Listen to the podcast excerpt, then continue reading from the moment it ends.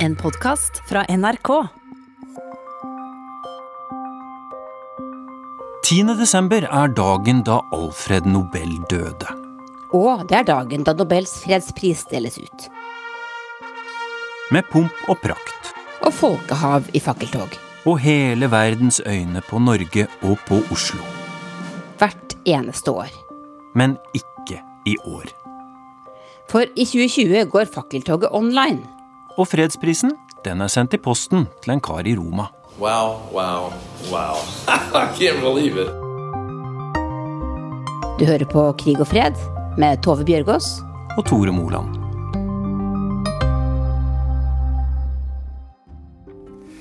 Jeg er i eh, Roma, en halvtimes kjøretur omtrent unna hovedkvarteret til Verdens eh, matvareprogram.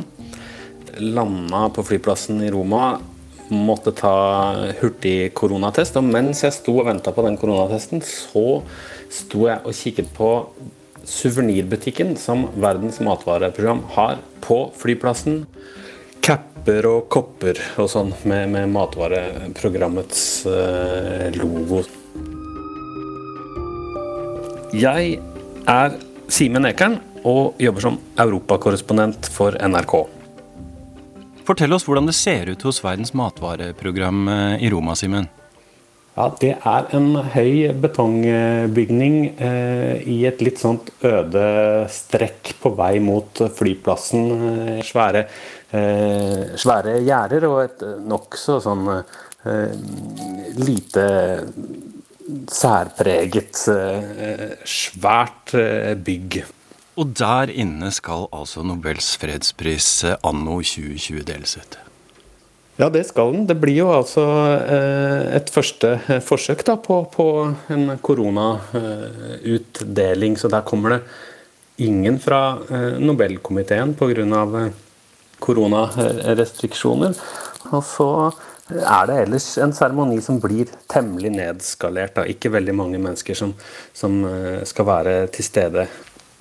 Fortell oss eh, hva det er du har slags oppdrag, Simen. Ja, jeg har kommet hit for å intervjue David Beasley, som er sjefen for Verdens matvareprogram. De eh, får jo altså prisen eh, for eh, det konkrete arbeidet som de gjør med å distribuere og dele ut mat eh, i områder som, eh, som er eh, rammet av konflikt. Det er en ganske bredspektra innsats da, som Nobelkomiteen mener er en innsats for fred i, i, i siste instans. Også fordi mangel på mat jo i de siste åra har blitt anerkjent av FNs sikkerhetsråd som noe som er som et eh, våpen. Altså, du tar vekk maten som et ledd i, i krigføringa. sånn sett så, så mener jo da Nobelkomiteen at det Verdens matvareprogram eh, gjør, er eh, helt direkte og aktivt eh, fredsarbeid på et vis. The Norwegian Nobel Committee På et koronaglissent Nobelinstitutt i Drammensveien åpna den berømte døra seg fredag 9. oktober klokka 11. Og komitéleder Berit Reiss-Andersen kunngjorde hvem som vant årets fredspris. 2020 to the World Food Programme for its efforts to combat hunger. Verdens matvareprogram får fredsprisen for sin kamp mot sult, for forsøkene på å legge til rette for fred i konfliktområder, og for sitt arbeid mot at sult blir brukt som et våpen. to prevent the use of hunger as a weapon of war and conflict. Jeg var jo i eh, Roma litt tilfeldigvis den eh, dagen eh, det ble offentliggjort. Jeg hadde ikke tippet at det var Verdens matvareprogram, så jeg satt og ante fred og ingen fare og jobbet med noe annet da, da den nyheten kom og jeg måtte kaste meg inn i en taxi ut til dette hovedkvarteret. Men der var det altså en eh, gjeng som var så glade. De var virkelig eh, ordentlig glade eh, og stolte, og også litt overraskede, tror jeg. Og sånn var jo litt inntrykket i de første intervjuene med Beasley også. En fyr som åpenbart var eh, stolt, som ikke var overrasket i den forstand at han mente at de ikke fortjente det, men, men jeg tror ikke han hadde eh, sett det komme. Og nå er det du som har fått jobben med å gjøre prisvinnerintervjuet, Simen Ekern. Hva har du tenkt å spørre David Beasley om? Jeg har tenkt å spørre han om eh, hva det er som har gjort størst inntrykk på ham siden han starta i denne jobben. Han har jo ikke vært eh, direktør for Verdens matvareprogram så fryktelig lenge, men jeg vil høre hva det er som eh, har merket ham tydeligst. Og så vil jeg høre om dette spørsmålet om, om mat som våpen, eller denne tanken om at Eh, mangel på mat er blitt en, en, mer aktiv del i en form for, for, krigføring i verden. Og så vil jeg spørre han om hvorfor klarer vi ikke å løse dette problemet, når, når, løsningen synes å være eh, så enkel på en måte. Det er nok mat i verden, og likevel så sulter stadig flere mennesker. Så det skal jeg spørre han om, hadde jeg tenkt. Og så må, du kanskje spørre om dette litt spesielle året og disse litt spesielle omstendighetene han får en nobelpris under òg, da, Simen? Ja, det er nok kanskje det jeg tenker jeg skal starte med. Fordi vi er jo da i en situasjon som er temmelig eh, annerledes for en nobelprisvinner. Han får ikke prisen av noen fra Nobelkomiteen, og vi sitter på et kontor i Roma i stedet for eh, i Oslo.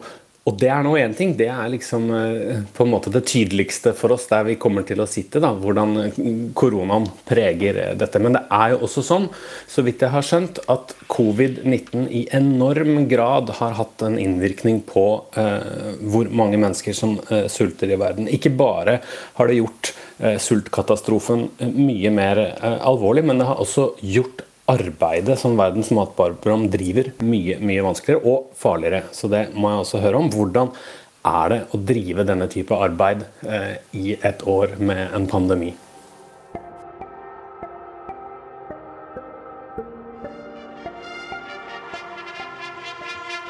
De kongelige de ledsages av Nobelkomiteens leder Torbjørn Jagland og Nobelkomiteens sekretær Geir Lundestad. Kongefamilie og kjendiser fanfarer og fredstaler. Slik er vi vant til å se Nobelseremonien i Oslo rådhus. Mr. President, Nobel Peace Laureate. Alltid på datoen 10.12., som er dagen Alfred Nobel døde. Og om kvelden er det fakkeltog på Karl Johans gate, der folkemengden hyller fredsprisvinneren som vinker fra balkongen på Grand Hotell. Det er jo litt sånn same procedure as every year, eh, James, med nobelprisen. Men ikke i år. Hva er det som er annerledes? All pomp og prakt er borte. Alt det storslåtte, alt det tradisjonelle, alt det som har vart egentlig fra 1901, er borte i år pga. koronaen. Jeg heter Laila Bakken og er utenriksmedarbeider i NRK. Laila, du har jobba med nobelprisen for NRK i veldig mange år. Litt i stille og i bakgrunnen. Har Nobels fredspris noen gang blitt delt ut noe annet sted enn i Oslo før? Nei, jeg um, sjekket på listene, uh, og jeg har spurt direktøren på Nobelinstituttet, og vi er begge skjønt enige. Det er første gang fredsprisen deles ut utenfor Oslo. Hvordan foregår det rett praktisk? Nobelmedaljen og Nobeldiplomet som hver prisvinner får, eh, er sendt eh, pakket inn og sendt med diplomatisk post og diplomatisk immunitet fra Oslo til ambassaden i Roma. Laila, du sier den er sendt med diplomatpost. Hva betyr det? Jeg forestiller meg en diplomat i dress og med en stresskoffert som er lenka fast til håndleddet. Er det sånn det foregår? På de mest strengt hemmelige papirene så er det kanskje sånn, men eh, trolig ikke med Nobelmedaljen. Eh, men det heter, eh, det offisielle svaret er at de sendes med kurerpost. Og du har faktisk klart å få tak i et bilde. Nå gjør det seg litt dårlig i en podkast, men kan du beskrive bildet av Nobels gullmedalje og diplom som er på vei ut av Nobelinstituttet i Oslo? Det ser ut som en helt alminnelig pakke, pakket i gråpapir, med kun ett navn på den norske ambassaden i Roma. Og hva skjuler seg inni dette gråpapiret? Der er det da en ekte gullmedalje og et ekte kunstverk som er årets Nobeldiplom, eh, laget av Oslo-kunstneren Vanessa Bird. Men det artige er jo at det er tre eksemplarer til. Tre uekte medaljer og tre fotokopier av diplomet. Hvorfor det? Fordi at hvis organisasjoner skal dele på prisen, så vil jo gjerne hvert kontor ha sitt eksemplar. Og derfor så eh, lages det eh, flere kopier. Men det er altså bare én ekte gullmedalje. Og den er faktisk i ekte gull? Ja, i 18 karat gull, og veier 196 gram. Den norske medaljen er utformet av Gustav Vigeland, som mange kjenner. Og det er bilde av Alfred Nobel på den ene siden, portrettet han, eh, og på den andre siden så er det tre nakne menn eh, som står for internasjonal forbrødring, som Vigeland ønsket å vise. Litt av det samme som vi finner i Vigelandsparken. Og så pleier jo Nobelmedaljen og Nobeldiplomen å bli delt ut med pomp og prakt i Oslo rådhus, Laila. Men hvem er det som skal dele den ut i år, da? I år er det en amerikaner, faktisk. Så det blir fra en amerikaner til en annen. Hun heter Lisa Clark og bor i Toskana. Nobelkomiteen forteller at de lette lenge etter eh, en vikar. Det er første gang eh, at en fra Nobelkomiteen ikke deler ut medaljen, at det er en supervikar. Men det var ingen de kjente direkte. Så det er jo litt som nåla i høystakken. Finne... Tror du Nobelkomiteen har slitt litt med å finne en egna vikar som kunne dukke opp i Roma og dele ut uh, Nobelprisen i år? Ja, de lette godt, for å sitere Nobelinstituttet. Men de virker også veldig fornøyd med at de fant dama. Lisa Pelletti Clark, hvorfor er hun egna til å dele ut Nobels fredspris? Nei, Hun representerer da altså en tidligere fredsprisvinner, som skal i dette unntaksåret gi fredsprisen til årets fredsprisvinner. You're kidding me. that, was, that was my first reaction. Tuller du med meg, sa en overrasket direktør David Beasley da nyheten nådde ham ute på oppdrag i Niger i Vest-Afrika. Amerikaneren er republikaner fra Sør-Carolina, og på 1990-tallet var han guvernør i hjemstaten sin. Det var Trump-administrasjonen som nominerte ham til å ta over som direktør i Verdens matvareprogram i 2017. Så et lite stykke på vei er det de som sørger for at det er Beasley som skal ta imot fredsprisen i år.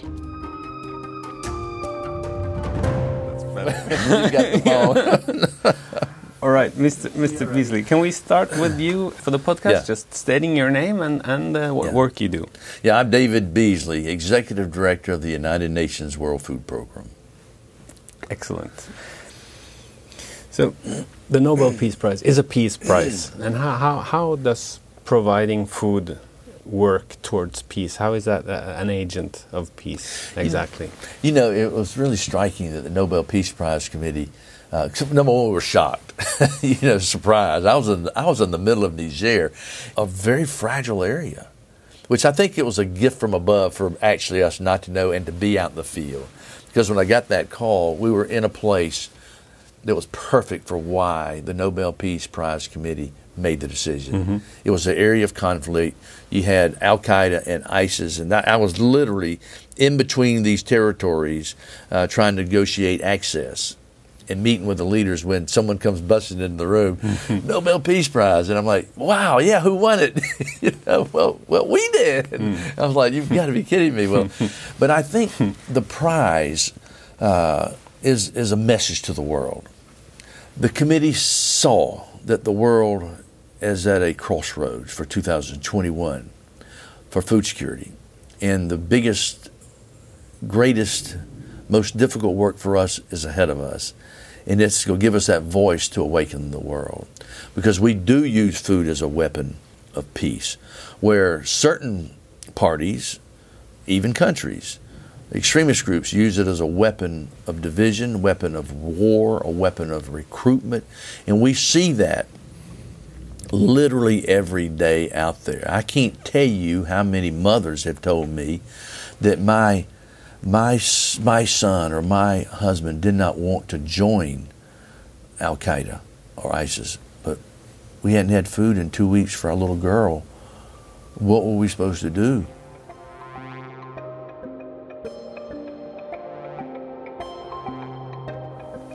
Simen Ekern, nettopp ute av et eh, betongbygg i Roma. Hvordan gikk møtet ditt med årets eh, fredsprisvinner? Jeg tror det gikk eh, ganske bra. Meget hyggelig og energisk mann. Ivrig og entusiastisk og glad og engasjert. På sitt vis, på et litt annet vis kanskje enn en, enn eh, andre idealistiske fredsprisvinnere. Men eh, like fullt med en, en voldsom energi som, eh, som, ser ut til å funke ganske bra. Da. Hva slags inntrykk sitter du igjen med av fyren, Simen Ekern? Jeg sitter igjen med et inntrykk av en veldig effektiv og overbevisende, karismatisk fyr. Han er veldig pragmatisk. Her er det kriger, her er det sånn og sånn. Vi får penger, vi går inn, vi løser det. Han er ikke noe typisk eh, FN-byråkrat, David Beasley, er han det? Nei, han er jo ikke det. Og, og jeg spurte han jo også om det, for, for det var et uh, sitat jeg fant fra, fra omtrent da han, da han starta for tre og et halvt år siden. At han sa eh, I'm not really a UN kind of guy. Jeg er ikke en FN-type, liksom. Og, og, det er nok eh, sant. da. Han er jo mye mer av en sånn uh, ja, litt mer sånn businessmannaktig, eller sånn eh, vi bare setter oss ned og så tar vi de avgjørelsene og så får vi til det her. Og han sa også det at han hadde vært skeptisk i utgangspunktet. Er for, FN er for treigt, FN er for dyrt. Eh, og det har han jo endra oppfatning eh, av, da. Han snakka jo nå som en brennende forsvarer nettopp av det multilaterale systemet.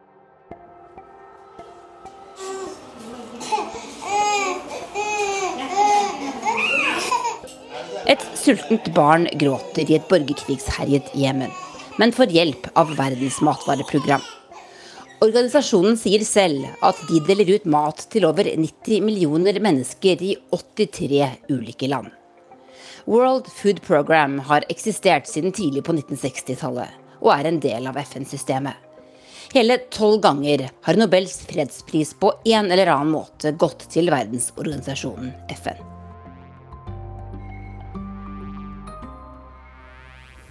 I remember when I was in Yemen, and I've been to Yemen several times, and Yemen's the worst humanitarian disaster on earth, no doubt. We were in this community, and I was talking to a, doctor at the hospital. I asked him a question. I said, uh, "How many children do you get here per day?" Because access was an issue. You know, moving through military lines and the and the extremists and the Houthis and the Ansarallah, all these complexities, and particularly in the northern area. I said, How many children do you get to the hospital per day? He said, About, I don't know, 35 to 50 people, children per day. I said, Well, how many can you handle in the hospital? He says, About 20. I said, What do you do with the other 15, 25? He said, We send them home to die. Uh, det er jo en historie som, gjort, som gjør inntrykk når man hører den. Og den har tidligvis også gjort inntrykk på, på Beasley, da, firebarnsfar, som, som fortalte at han måtte gå ut i korridoren og, og puste litt eh, ekstra tungt etter dette. And when I see people, particularly because of conflict, children dying, suffering, uh, knowing that there's so much money in the world today, there's so much food, it's hard not to get angry. Mm-hmm. Uh, so I try to turn that anger into into action, a peaceful action, mm-hmm. and it really gets you, you know, you, you, oh, you, you just get filled with rage. But then you got to take that energy and put it into helping the children. I'm not going to let evil, you know, rule the day. Good's going out. I will help these children right here, whatever it costs, whatever it takes. That's what really inspires you, It gives you the hope, and lifts you up out of that moment of anger. Hmm. I was thinking when we're speaking about COVID, and the world has seen an incredible response from the scientific community. We've made vaccines yeah. faster than ever before, and and the whole attention of the whole world is has been on this. Do you ever feel that that kind of attention could be uh, directed towards the question of hunger as well? if we gave the attention to hunger what we've done to COVID, we'd end hunger probably by tomorrow afternoon. Yeah. I mean, here, here's what's real good news. And 200 years ago, there were 1.1 billion people on Earth. 95% of the people were in extreme poverty. Today, less than 10%. So we have built systems and programs to share more wealth, food, shelter, health than any time period in world history. That's the good news. Well, the bad news is try asking that 10% that uh, how's it going for you? They're like, well, we're struggling, we're suffering. Now, having said that, we've gone backwards in the last few years because of man-made conflict, climate extremes, etc. And here's what's what's really troubling. There's 400 trillion dollars worth of wealth today on earth. There's no reason a single child should go to bed hungry, Mm. much less starve to death. We have a cure for hunger. It's called food.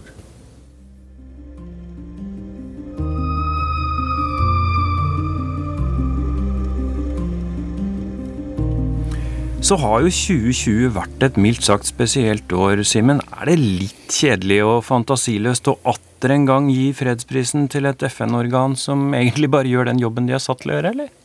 Ja, Man kan jo si det. Samtidig så er det jo, eh, som du sier, da, at det er et spesielt år. Men det er jo også et spesielt år for, fordi at det eh, internasjonalt samarbeid er under press.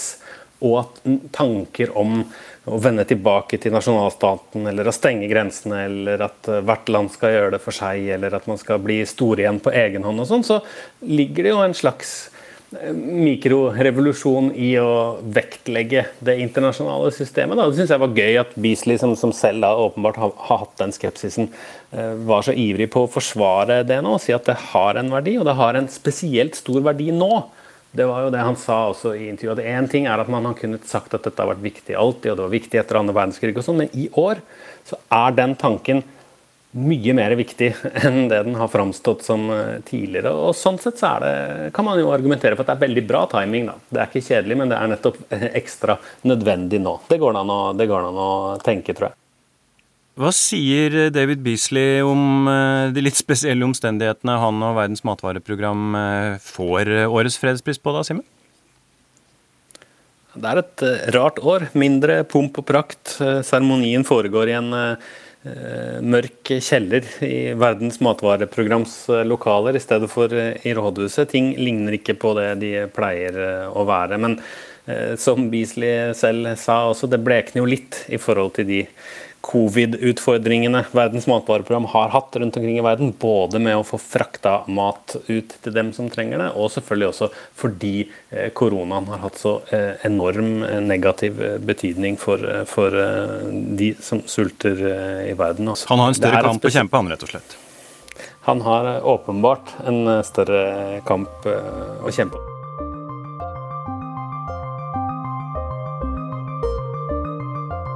Du har hørt Krig og fred fra NRK Urix. Lydregien var ved Hilde Tosterud. Og hele intervjuet Simen Ekern har gjort med årets fredsprisvinner, kan du se i NRK TV. Du har hørt en podkast fra NRK. Hør flere podkaster og din NRK-kanal i appen NRK Radio.